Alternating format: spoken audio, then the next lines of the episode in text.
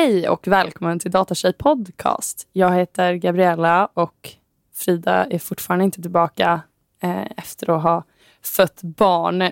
Men jag har såklart en gäst med mig i studion. Välkommen! Tack. Vad heter du? Anastasia. Välkommen hit. Vi har ju pratat lite här om innan att vi får se vad temat för det här avsnittet blir. Att vi tänkte börja med att prata lite om din resa in i techvärlden och sen, och sen se vad vi, vad vi landar om vi snackar lite techstack eller, eller hur det blir. Eh, men, men vi kan börja med frågan vad, vad tänkte du att du skulle göra efter gymnasiet när du var tonåring? Liksom? Vad, var, vad var din plan? Eller hade du någon plan? Nej, jag var en av de personerna som kanske inte hade en eh, supertydlig plan efter gymnasiet på vad jag ville eh, jobba med eller fortsätta med. Mm. Um, så jag unnade mig eh, sabbatsår, åkte Mm, ut och reste. nice. Nice. Um, och sen så landade jag på en lingvistikutbildning. Ah. Uh, jag har alltid haft eh, stor passion för eh, språk. Mm. Uh, men jag kände relativt tidigt att jag eh, ville kombinera den här utbildningen med någonting annat. Mm. För att de rollerna som fanns, som, som många pratade om på utbildningen, som jag visste om i samhället, kanske inte var superintressanta för mig just då. Mm. Vad, vad är det för typ av, av roller? Vad jobbar man med när man pluggat lingvistik? Ja, men det jag hörde mycket då var att man kunde bli översättare, tolk, man kan forska inom språk, bli lärare. Ah, Ehm, det finns många andra såklart, men det var de som jag eh, de liksom hade i stora, min sfär ah, då, som eh, många i utbildningen, i utbildning hoppade på. ah, fattar. Ehm, men sen så åkte jag på utbyte i Singapore. Ah. Och eh, där och då så umgicks jag med andra utbytesstudenter, eh, varav några pluggade datavetenskap. Mm. Eh, och det var någon gång när vi satt och åt lunch som vi eh, svävade in i ämnet eh, ja, men, pr- eh, språk inom programmering. Eh, så där ringde klockan lite att det finns ju språk i andra sammanhang som Mm. inte är de här som jag nämnde tidigare. Mm. Ja, alltså det... Jag, när jag har så reflekterat efteråt att jag, jag är ganska dålig på att läsa och stava och så vidare. Men att det jag eh, tyckte var roligt i liksom svenska, alltså jag tyckte svenska var ganska kul ändå, men eh, är liksom, alltså vad heter det? Språk, eh, alltså när det är som syntax. Alltså, ja. eh, den delen tyckte jag alltid var, var det roligaste av, av svenskan. Och sen nu så bara, mm, jag fattar ändå varför jag tyckte det. Liksom, att det finns de likheterna mellan programmering och hur man liksom bygger ihop ett, ett språk. ja, men verkligen. Så det förstår jag att du drog, att ni kom dit. Men det var ingenting som eh, pratades mycket om nej, alls. nej, det gör inte det. det är Mest ju- var det liksom eh, hur, språk, hur eh, språk uppkom och hur vi människor använder språk, men inte hur vi människor använder språk eh, faktiskt på andra sätt inom Mm. IT. Mm. Ja, men kul. Hur, men hur blev det sen då? Du gick klart din lingvistikutbildning eller? Och vad, vad gjorde du sen? Sen så, när covid började så hoppade jag på en frontendutbildning. Mm. En tvåårig yrkesförberedande utbildning. ehm, som skulle vara på plats, men eh, allting var på distans då, så det var väldigt Ja, mycket sitta hemma. Eh, men den var superbra, så där, det, det var väldigt bred variation på kurser där. Så det var allt från Git till eh,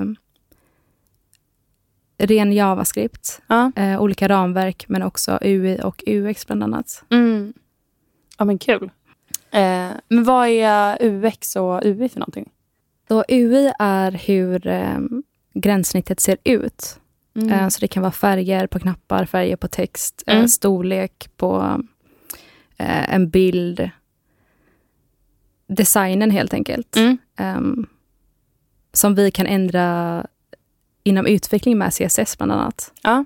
eh, och andra ramverk. Och UX på andra sidan är eh, ja, användarupplevelsen. Mm. Eh, och där brukar man ofta blanda in ehm, att förenkla till exempel ett knapptryck för användaren. Hur ska vi designa den för att eh, den ska synas på rätt sätt eller eh, kunna Mm. användas lättast? Ja, alla har ju eh, varit med om så gamla hemsidor som har väldigt dålig UX. Där Ja, man behöver klicka tio gånger för att liksom... Eller att man ser ett kryss och så här, här borde vi klicka ner den här rutan, men det funkar inte. Nej. ja, verkligen. Och så finns det en annan så, stäng-knapp. Mm. annan orimlig instans. ja men nice. Och sen eh, så, ja men då måste du ha jobbat typ drygt ett år nu eller? Ja, precis. Eh, gud. Jag firade mitt ettårsjubileum förra månaden tror jag, så det var, Kul. det var roligt. Nice. Men när det var, då kan du få berätta lite om vad du jobbar med. Absolut. Eh, Så jag är utvecklare på SAS Mm. eh, Airlines just nu. Eh, Och det var också mitt första jobb efter examen. Mm. Um, och jag tillät mig själv ha ett relativt långt sommarlov efter examen. Mm. Um, för att liksom hitta ett jobb som jag känner um, passion för produkt eller uh, sådär. Ja. Um, så där är jag nu och trivs jättebra. Ja, vad roligt. Och du är, vad är du för typ av, av utvecklare där? Jag jobbar både med frontend och backend. Uh, och det gjorde jag också under mina två praktiker som jag hade i utbildningen. Ah, Um, ja, men kul. Vad, vad gjorde du dina praktiker? jag gjorde båda uh, på två olika företag i Stockholm. Så den första var på ett startup Mm. Och den andra är på ett mer uh, internationellt etablerat företag. Mm, Uh, okej. jag vill liksom få erfarenhet på båda sidorna. Ja, smart. Um, men insåg sen att eh, det känns roligare att eh, liksom börja karriären på ett mer etablerat eh, Mm. företag. Mm. För att sen kanske göra sitt egna startup en, Mm. dag, en dag. Vad roligt. Ja, men det är ju, när man är junior är det alltid skönt att börja någonstans där det finns seniora utvecklare att lära sig av och liksom en, en bra kultur redan från början så att man Ja, men verkligen. får utvecklas ordentligt. Academic Work är ett bemannings och rekryteringsföretag som hjälper young professionals, det vill säga studenter och akademiker i början av arbetslivet, att ta sitt första eller nästa steg i karriären.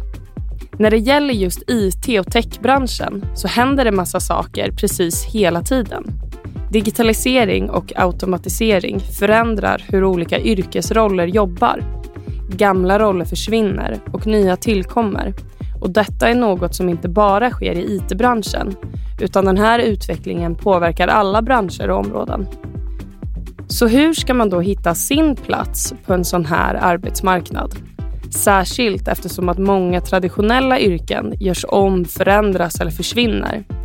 Allt fler kommer behöva tänka om och hitta nya vägar i sitt jobbliv. Jo, men där kan det vara skönt med en karriärspartner. Som en av Sveriges största arbetsgivare av nyexaminerade har Academic Work en viktig roll i att säkerställa att fler kvinnor och icke-binära söker sig till IT och techbranschen. Trots att det är en snabbt växande bransch med många spännande möjligheter råder det stor brist i kompetens och inte minst mångfald. Det vill Academic Work ändra på och vi är därför väldigt stolta över att ha just Academic Work som sponsor som hela tiden håller koll på vilka kompetenser som behövs framåt och hjälper kvinnor och icke-binära inom branschen att se vart just du, dina kompetenser, önskemål och intressen kan passa in. De kan hjälpa dig att tänka utanför boxen och se möjliga karriärsvägar som du inte tänkt på överhuvudtaget för att du inte visste att de fanns. Om du saknar utbildning finns det även möjlighet att göra ett karriärsskifte med deras Academic Work Academy Program. Hittills har över tusen kvinnor tagit klivet in i IT och techbranschen inom deras 12 veckors program som de skräddarsyr tillsammans med företag inom branschen för att minska kompetensluckorna där det finns behov inom IT och tech. Du kan läsa mer om deras kommande utbildningar på deras hemsida och inom kort har du även möjlighet att söka till utbildningar inom Data Engineering, Cybersecurity och Industry Automation som kommer gå under sommaren. Under våren kommer Datatjej tillsammans med Academic Work arrangera flera event där du som medlem får möjlighet att möta förebilder inom branschen och IT-specialister på Academic Work som vill inspirera och hjälpa dig att ta nästa steg. Håll utkik för mer information inom kort. Vi ser fram emot att ses på våra kommande event. Eh, men jag undrar lite, hur, hur har du känt att komma ut som liksom, nyexad utvecklare? Hur har, hur har det första året känts? för mig det känns jättebra. Det, det, känns som att jag kom in i ett sammanhang i samhället där det pratas väldigt mycket om tech och att mm. eh, man vill få det mer inkluderat. Mm. Vad kul. Um, så jag kan tänka mig att eh, komma nyyxad förra året, till skillnad från tio år sedan, att, det, att den upplevelsen kanske har varit väldigt annorlunda. Ja, det kan jag tänka mig. Um, och när jag pratar med kompisar om det här så har, um, delar vi många samma uppfattning, att det har varit väldigt stöttande och upplyftande. Mm. Um, det är klart att det kan bli ännu, ännu bättre. Mm. Och det är någonting som vi på Datatjej försöker eh, men, främja också. Ja, men exakt. Ja, men det kan vi säga att du sitter i, i Datatjejs sitter i styrelsen. Ja. ja, ja. eh, så man tar in lite interna resurser i podden ja, när man precis. kan. eh, men vad tycker du har varit svårast? Då? Vad skulle du säga är den största liksom, utmaningen för dig? För mig har det nog varit att djupdyka i programmeringsspråken. Mm. Um, för i utbildningen, det var som att man touchade väldigt lätt på många språk och många, mm. många ämnen. Mm. Um, men inte hade tid att djupdyka. Mm. Och jag skulle säga att lite så är det i arbetslivet också. Mm. Att uh, erfarenheten kommer um, under lång tid. Ja. Så om vi säger att jag hade en praktik på sex månader, så var det inte att vi djupdykte i ett språk och jobbade med det i sex månader, utan det var liksom från projekt till projekt. Och, mm. um, men väldigt lärorikt att liksom, nästan multitaska på ett sätt. Mm. Mm. Ofta. Känner du att det är samma i ditt arbete? Mm. Ja, men det tror jag. Alltså, jag började ju som konsult eh, och då jobbade jag i massa olika språk. Mm. Eh, och hade olika, mitt första år var nästan eller då... Ja, nej, men mitt första år så var jag både .NET och Python. Mm. Eh, och sen så... Eh, sen så... Ja, gud, det blev lite rörigt. Mm. Men jag jobbade ganska mycket olika språk första två och ett halvt åren. Och sen när jag började på Frendas blev det bara, bara C-sharp. Mm. Men då hade jag liksom redan ganska mycket gottat in mig i, i C-sharp. Eh, men jag håller med dig om att erfarenhet byggs under en väldigt lång tid. Mm. Och att alltså man kan liksom inte förstå allt. i Om man sitter liksom med en, en bit kod och ska läsa en liten bugg där kanske. Då kommer du inte förstå kanske varenda rad. Du Nej, behöver precis. inte förstå varenda rad. Och jag tror att många i början, eh, including myself, mm. vill så förstå. Jag måste förstå allt eh, hela den här klassen gör. Eller hela den här liksom, grejen gör för att eh, lösa allting. Mm. Men det, det, behöver du kanske inte. Eh, Precis. Och det är också en erfarenhet att lära sig vad behöver jag förstå nu och hur kan jag lösa det här problemet utan att lägga ner en massa tid och försöka förstå kod som egentligen inte har någonting med det här att göra. Mm. Liksom. Nej men precis. Det var någonting som eh, nu under min nuvarande roll Um, det var ett backend-projekt som jag skulle uh, lösa en bugg på mm. tillsammans med en annan person. Och um, lite på kvällen så satt jag och uh, försökte kolla hur, hur saker fungerade mm. och fick nästan hjärtklappning på att så här, det här kommer inte jag kunna förstå. Mm. men sen dagen efter pratade jag med den här seniora utvecklaren som har suttit och jobbat med det här systemet i ett halvår. Så här, det gör inte jag heller. Nej. så det är verkligen okej. Okay. Ja. Ja, nej men gud. Det hände faktiskt mig också nu nyligen. Att jag hade ett problem som jag var så, jag kan inte komma på hur jag ska lösa det här. Mm. Och gick också till en seniorutvecklare och var så, jag vet inte hur jag ska göra det här på ett bra sätt. Eh, och den utvecklaren bara, mm, du får ge mig lite tid att fundera på det här. och jag var så, okej okay, skönt. att då visste jag att det var verkligen, det hade jag hade nog aldrig kunnat lösa det liksom själv. Ja. Och att det inte var, det var fullt normalt att jag med min erfarenhet inte kunde lösa det. Liksom. Och den här imposter syndrom är viktigt, viktigt att prata om. Verkligen. Det delas bland många liksom, och man sitter inte ensam i den här båten. Nej men gud nej. Och att man ofta så... Om man läser in så himla mycket. Alltså jag kan vara så... Um, det, att det kan bero så himla mycket på vad jag har för dag. Har jag en jättebra dag och bara mot toppen och så är det någon som typ ger mig lite feedback eller typ eh, du borde göra så här istället för så här. Då är jag mm. så, ja absolut, ingen fara, jag lär mig saker. Och sen så har man så en dålig dag så bara, jag är sämst. Mm. så fort någon kommer med lite feedback ja. så måste man så, nej det är du inte. och det är ju, eh, alltså jag tror väldigt många känner så. Mm. Eh, I alla fall någon som... Ja, jag vet inte. Det, känns, det, det finns nog de som inte har så mycket imposter syndrome. Men jag tror nästan alla har det.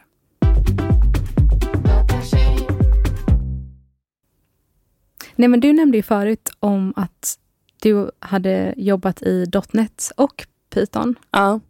Jag har varit lite intresserad av att eh, utforska Python lite. Mm. Skulle du säga att det skiljer sig väldigt mycket från .NET och C-sharp? Eh, ja, det skulle jag säga. Alltså, det är nog närmare JavaScript i så fall. Mm. Eh, för alltså, JavaScript är ju ett otypat språk. Ja. Eh, och för den som inte vet vad det betyder så är det att ett, ett typat språk som .NET då, eller TypeScript som är likt JavaScript. Eh, där måste man, så fort man har en, en variabel som att x är någonting, så måste man säga vad x är. Som att x är eh, en siffra eller x är eh, någonting annat. Liksom en, en textsträng eller liksom sådär. Mm. Eh, men i en del språk behöver man inte göra det. Eh, och, och det är de otypade språken. Då. Mm. Så på det sättet tror jag att Python är ett otypat språk. Eh, och, och mer ett så funktion, alltså att man skriver funktioner än att man skriver klasser. Alltså det går ju Mm. att göra, det går ju att skriva klasser i Python också. Men hur funkar Mm. det säkerhetsmässigt? För det pratas väldigt mycket i JavaScript-världen att ehm, för att få koden säkrare ehm, så vill man kombinera det med TypeScript till exempel. Mm. Använder ni någon sån eh, kombination eller ramverk med eh, Py- Py- Python? Eh, alltså på det projektet som jag jobbade på, då eh, använde man sig av olika som, som lager i produkten. Det var en mikroservicearkitektur. Så en, ett lager var .NET eh, och sen var det ett analyslager som var Python. Eh, och det var för att man Python har väldigt bra dataanalyslager, och, eh, eller dataanalysverktyg heter det. Eh, och bibliotek och sådär. Så att man får väldigt mycket gratis man kan göra med, med data och aggregera data och Mm. um, ja, massa olika grejer och maskininlärning och så vidare. Eh, så eh, därför var det liksom Python där och sen så var det ett eh, liksom API längst ut och allt det här låg i eh, ja, men backend eh, liksom på serversidan. Ehm, så, och sen var det en, en React-fronten till det här Mm. som jag aldrig, tack gode gud, behövde jobba i. så jag tror att det, det gjorde att det blev väldigt säkert. För att man hade ett REST-API ytterst med eh, allting. Eh, och att alltså typningen är ju att man inte... Ja, jag vet inte. Det är klart att de riskerna fortfarande finns. Men jag tror att eh, sättet man reflekterade över det där var att vi har isolerat att det bara är typ att data ska gå igenom och Mm. bearbetas här. Eh, och att det gjorde det eh, som det rätta valet. Liksom. Och det är också det som är fördelen med att ha någon typ av mikroservice-arkitektur. Vilket man kan lyssna tillbaka på tre avsnitt sen eller två avsnitt sen när vi pratar mer om det. Eh, men att, att kunna dela upp och ha olika språk i olika delar. Liksom. Mm. Men jätteintressant. Mm. Tack. Det är med om en erfarenhet. Tre år nu.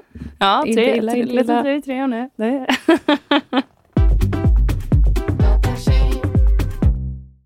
Eh, Men tror du att du kommer använda dig av eh, lingvistiken som du har, har pluggat någonting i framtiden? Jo, men det tror jag absolut. Ehm, det finns ett fält inom ehm, tech, Mm. inom AI framför allt, Mm. ehm, som heter NLP, Natural Language Processing. ja. Eh, och det här är någonting som jag upptäckt på senare dagar och eh, blivit varm i själen av att lingvistiken faktiskt kommer tillbaka. Mm. Ehm, för det är ett ämne där eh, ja, teknik och eh, språk vävs samman väldigt, väldigt fint tycker jag. Mm. Um, så man använder just eh, ja, natural language ehm, i teknik. Mm. Så exempelvis när du googlar någonting. Mm. ehm, det är ofta som du kanske söker efter en butik och det enda du behöver skriva in är ett namn och en stad. Mm. Eller ett namn och eh, inte mycket mer för att den kan fortfarande den kan eh, lokalisera var du är redan. Mm. Um, så det är liksom hur den tar ditt, ditt naturella språk och eh, kan söka i en databas, Mm. exempelvis. Mm. Eller Siri på mobilen. Mm. Eh, att du pratar och eh, liksom datorn försöker processa vad du, eh, vad du söker, Mm. helt enkelt. Ja, men precis. Jag har faktiskt gjort en eh, lab i skolan när jag Mm. pluggade. För jag läste deep learning-kurs. Eh, Okej. DD2424 om någon har pluggat på KTH. Jag tror det var DD2424 i alla fall. Eller vad jag du ihop. då? Eh, nej men det var väldigt, eh, det var väldigt blandat. Eh, och den kursen, om den finns kvar, är väl kanske... Alltså jag skulle rekommendera den för att den är så väldigt grundläggande om man vill läsa, om, läsa deep learning. Ehm, men den var ju inte så hands-on. Det är inte så man eh, gör eh, i efterhand. Man lär sig inga ramverk eller sådär. Mm. Eh, vilket är ju alltså TensorFlow och PyTorch. Nej, jag kanske jag säger fel. Det var länge sedan jag höll på med deep learning faktiskt. Ehm, är liksom de, det man använder. Men i den kursen så skulle man liksom ehm, direkt programmera alla eh, algoritmer själv. Och det gör man inte riktigt. när Man, man sitter inte och uppfinner hjulet igen varje gång. Eh, utan alltså de, hur man tränar ett nätverk och så, allt det skulle man eh, implementera. Liksom, de matematiska beräkningarna och så vidare. Mm. Eh, så det var ju väldigt lärorikt på det sättet. Man förstod väldigt mycket vad var som hände och varför det funkade. Eh, men inte, man lärde sig inte hur man faktiskt gör sen. Liksom. Mm. Men det som jag tänkte på var då att vi fick, fick hela, en hel Harry Potter-bok. Och eh, så skulle vi träna en textgenerator. Eh, och I början då så genererade den typ så bara rubbish. Och sen så tränar man mer och mer. Och till slut så började det komma ut så eh, lite meningar som ändå såg ut att komma från en Harry Potter-bok. Man såg liksom riktiga namn och engelska ord. Och sen så var det ju eh, fortfarande liksom rappakalja. Det var ju ingenting, inget vettigt. För det var väldigt så simpel. Eh, men man kunde ändå få så en liten mening och sen said Harry eller något sånt där. Vilket var lite, lite roligt. Har du testat att skriva in det i ChatGPT? Eh, nej, det har jag inte. Men den är ju väldigt mycket eh, mer avancerad än min lilla labb. Men underskatta inte den, det kan vi gå vidare på den i uh, dag. ja, nej. Nah, det, den, den tror jag faktiskt inte. Jag har gjort mycket, eh, mycket annat senare i utbildningen. Mm. Eh, det, om det är någon som nu, när jag, eftersom jag sa, läs inte ens, en, eller den kanske inte- inte är den mest praktiska kursen, så finns det ju andra projektkurser eh, på masternivå eh, som, är, som jag kanske mer skulle rekommendera. Jag läste deep learning för eh, medical, eller for medical imaging eller något sånt där.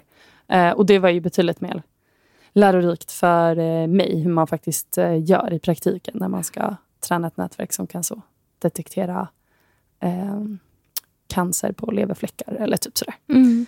Eh, så, Använder du det idag i arbetslivet? eh, nej, inte just nu. Eller mm, lite grann. Jag, ehm, när jag var konsult hade jag ett konsultuppdrag eh, inom deep learning där jag var i ett forskningsteam och eh, dels eh, hjälpte dem med kunskap och lärde dem om eh, deep learning eh, och ja, bara så här grunderna för att de skulle kunna få idéer om vad de skulle kunna göra och sen liksom jobba vidare med det. Eh, och sen så hjälpte jag dem också med att göra små eh, små experiment. Alltså de kanske hade lite data som de undrar så, okej, kan vi göra någonting med den här datan? Om vi samlar mer sån här data, kan vi, eh, kan vi fortsätta då och, eh, och göra någonting bra av det här? Hur mycket data skulle behövas? Lite sådana typer av, Mm. av experiment satt jag med då. Eh, och, ja, och nu idag så är det ingenting i mitt dagliga jobb, men det finns ju såklart ambitioner om att kunna eh, lyfta in det även i vår produkt i framtiden. Eh, även om det inte ligger nog i supernärtid. Så. Men vad skulle den största skillnaden vara mellan deep learning och machine learning? Ja, eh, machine learning är klassiska eh, klassiska algoritmer kan man säga. Så där använder man sig av data och så har man en, en modell ofta som man passar in på den här datan. Eh, och datan behöver, det kan oftast inte vara rådata utan man gör ofta väldigt mycket eh, data processing eller eh, olika typer av metoder för att fixa till den här datan. Eh, och sen så passar man in sin algoritm i den här datan. Och det finns liksom väldigt simpla grejer som att man, eh, om du har data som bara är så, två variabler och så kan du då hitta två, då får du en ehm, eh, eh, tvådimensionell plott av den här datan. Och så kan du hitta olika kluster i det. Eh, och i, vissa är så simpla att du bara kan dra en rak linje mellan de här två grupperna. Och då när du får en ny punkt data så kan du säga så. Ja, den är på den här sidan linjen. Då är det tillhör den här gruppen. Eller den är på den sidan linjen. Då tillhör den här gruppen. Liksom. Uh, så det, där, det är lite mer så. Lite simplare. Eh, och man behöver framförallt ha eh, liksom, Mm, siffror som inputdata. Medan när vi kommer till deep learning, eh, då är det i princip samma typ av modell hela tiden som betyder att du har olika lager som består, som är som eh, matriser av tabeller av ettor och nollor. Eh, eh, eller inte ettor och nollor, men siffror mellan ett och noll. Eh, och så kan du köra liksom bilder genom det eller köra din oprocesserade data genom det. Eh, och genom att du då kör igenom ett, en mängd data och så får du ut ett svar på andra sidan. Och Svaret kan ju då vara antingen att det hör till en viss grupp eller sådär, som ett tidigare exempel. Men det kan också vara en ny bild eller det kan vara eh, någon annan typ av eh, mer avancerad output. Eh, då så går du tillbaka och så jämför du om man blev det här rätt med den datan jag skickade in. Och sen så uppdaterar du de här filtrerna lite, lite grann så att du ska komma närmare det som du har sagt som är ditt rätta svar. Och sen fortsätter den här processen om och om, och om, igen tills eh, du får någonting som är tillräckligt bra. Och sen så ser de här lagren och de här nätverken ut väldigt olika beroende på hur, hur eh, vad det är du ska göra. Eh, till exempel det var jätteintressant. Ja, tack. Ja, men det är väldigt, eh, väldigt roligt och väldigt poppis med deep learning. Men det är också Alltså en av anledningarna till att jag inte håller på med det jättemycket är för att just i min bransch, medicinsk teknik, så är det ju väldigt mycket um, säkerhet. Alltså att saker måste fungera rätt. Mm. Uh, och det är väldigt svårt att säkerställa att uh, ja, men, olika typer av AI fungerar exakt. Alltså det vet väl alla som har suttit lite med uh, ChatGPT nu. Mm. Att om man jag bad den skriva en liten kodsnippet åt mig och så var jag så, hmm, den har glömt det här caset. Och så svarade den så, oh I'm sorry, uh, här har jag tänkt på det caset också. Och så bara, du har missat det här caset också. Så, oh sorry, här, nu är jag klar. Liksom. Uh, och det funkar ju inte om det är så att den här ska, ställa, ska göra någonting som kan vara livsavgörande. Liksom. Så därför så går det typ bara att använda som hjälpmedel eh, och att det behöver vara en läkare som eh, har koll på det. Liksom. Inte förlitar sig för tungt på det här hjälpmedlet utan har sin egen analys med sig. Eh, och, ja, men, och även då så kan det vara svårt. Och sen dessutom så är det väldigt svårt att få tag på, på data. Alltså medicinsk data är ju skyddad. Eh, man kan inte bara gå och googla fram hur mycket data som helst. Liksom. Mm. Och Det gör ju också att det är väldigt svårt för att all AI bygger ju på att man har data att träna på. Använder du eh, ChatGPT dagligen i ditt arbete? Eh, ja, men det är jag. Eh, nog på lite olika sätt. Eller oftast är det ju att jag, jag eh, snabbt vill eh, få fram hur jag kan skriva någonting lite annorlunda. Um, som att jag har något litet, någon liten rad som inte riktigt funkar och jag är så, oh. Och så tar jag den raden och så byter jag ut alla variabelnamn och så klistrar jag in den i ChatGPT och är så, det här funkar inte, jag vill göra det här. Mm. Uh, vad, vad gör jag för fel? Och så får jag liksom en, en bra förklaring. Så jag sa, ja ah, just det, det heter ju sådär. Det heter contain och inte du, du, du. Eller nu behövde jag använda en nu istället för contain för att någonting. Liksom. Um, och uh, det tycker jag är väldigt så smidigt. Alltså, i vanliga fall eller tidigare så hade jag ju bara googlat och då hade jag också fått fram. Men ibland så kan det ju krävas några extra Google-klickningar och att man inte... Det kan vara svårt att googla om det är något mer komplext problem man har. Ja. Och scrolla eh. igenom uh, olika saker innan man närmar sig. Exakt, exakt. Uh, och det tycker jag är väldigt skönt. Men sen är det ju den risken vi pratade om. Att man bara, men det här stämmer ju inte. Mm. Uh, och det, jag hade betalversionen ett tag. Vi får betalversionen på jobbet. Men, Grymt. Ja, men uh, man måste så betala och kvittoredovisa själv. För att de, det här, om det är någon som lyssnar som har någon påverkan så kan man bara ha ett kort kopplat på en användare. Mm. Så våra företagskort, alltså jag har inget eget företagskort, men min chef skulle kunna koppla sitt till, hans konto, eller till mitt konto. Men då säger de, nej det här är den kopplat till ett annat konto. Mm. Så jag måste betala själv och sen göra utlägg. Och det är bara att jag inte har pallat göra det. Men jag märker att betalversionen är mycket bättre. Den gör färre misstag eh, på sådana grejer. Men skiljer den sig på något annat sätt? Ja, för att den är ju... Eh, eh, alltså den kör ju internet direkt tror jag. va? Mm. Att eh, gratisversionen Eh, den har till ett visst datum som den är tränad på. Medan betalversionen kan göra sökningar på internet nu. Så jag kommer ihåg när jag sökte på någonting som var så, hur funkar det här i den här versionen av eh, det här biblioteket eller så som jag använde. Eh, då så sa ChatGPT att det finns inte, den här versionen finns inte. Eh, men för jag har bara data fram till när det nu var, 2002 eller någonting. Och då var det en ny version eh, som jag hade. Och det Eh, då kunde den liksom inte hjälpa till. Medan betalversionen hade kunnat gjort det. Mm. Um, sen vet jag inte om det skiljer. Det skiljer säkert massa grejer som jag inte har koll på. Men de grejerna har jag ändå reflekterat över. Eftersom att saker utvecklas så snabbt i techvärlden så blir det stor skillnad. Men använder du ChatGPT mycket? Nej, jag vill dock börja göra det. Ja. Eh, och jag ser på mina kollegor hur eh, ja, men, eh, snabbt deras processer går genom mm. att ställa frågor där. Mm. Men också att om du har upp en gammal konversation så är ni inne i samma del som ni kanske jobbade på igår. Mm. Um, så du behöver inte ta upp Google och börja googla från scratch, utan ni kan fortsätta på samma konversation som ni hade igår. Mm. Ja, men precis. Uh, gör du så också? Mm, alltså inte alltid, för ibland vill jag ändå ha en clean slate. Mm. Uh, men absolut att jag kan ta fram gamla, gamla konversationer. Eh, men ibland är jag, det här, men det här är också med gratisversionen, att jag märker att ställer man flera frågor om snarlika saker så börjar den blanda ihop det.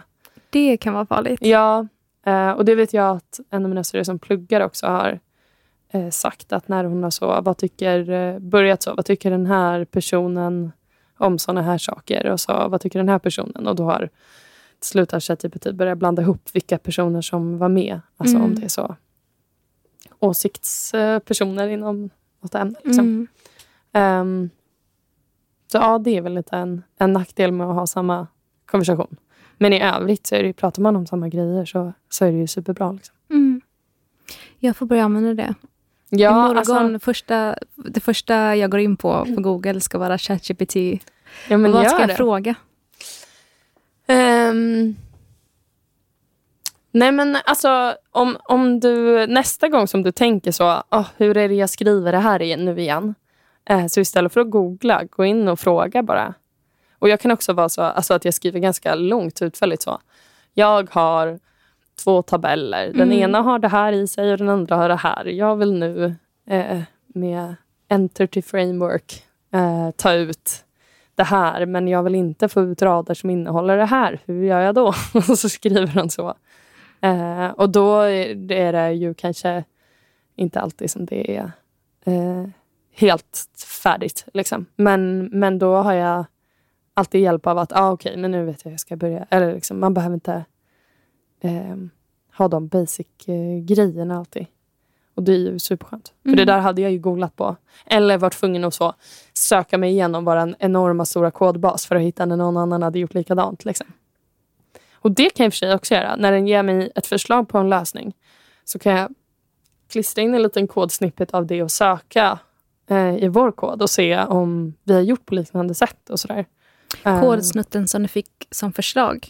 Ja, exakt. Alltså inte om det är så jättelångt, men säg att det är så om man vill ta fram någon variabel eller göra någonting. Eh, och så kanske jag är osäker på, ja men gör vi så här? Vi kanske gör på ett helt annat sätt. Mm. Då kan jag ja, men ibland söka och så säga, ja men här har någon annan gjort likadant. Ja men vad bra, då kör jag på det här. Liksom. Mm.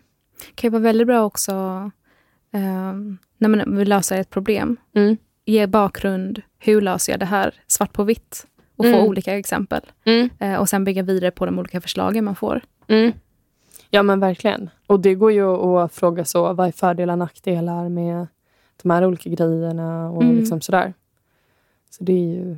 Eller hur kan jag skriva den här koden mer koncis? Ja, det farliga är ju dock, alltså, eller vi har i alla fall så policy att man inte får klistra in kod Mm. för att det kan vara en risk. Liksom. Ja. Eh, så där, jag är så klistrar in någon rad i så fall och då byter ut lite variabelnamn eller sådär. Inte för att det gör, om det bara är något variabelnamn så är det inte jättestor fara. Men om man klistrar in ja, men så kanske kan avslöja ens databasmodell eller liksom sådär. Eh, så är det ju inte bra. Så då ser jag alltid till att så, ja, redigera om eh, lite grann. Och Mm. vara så value one, value two.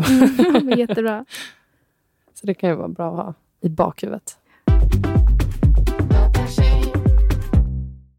Men lite avslutningsvis här då. Har du några, några tips till, eh, till någon eh, där ute som, eh, ja, men som kanske pluggar en utbildning nu eller är snart klar med sin? Eller som kanske har sökt och ska börja i, eller började nu på våren? Ja. Um, spontant skulle jag säga att försöka stay ahead över kurserna som eh, Mm. du kommer gå.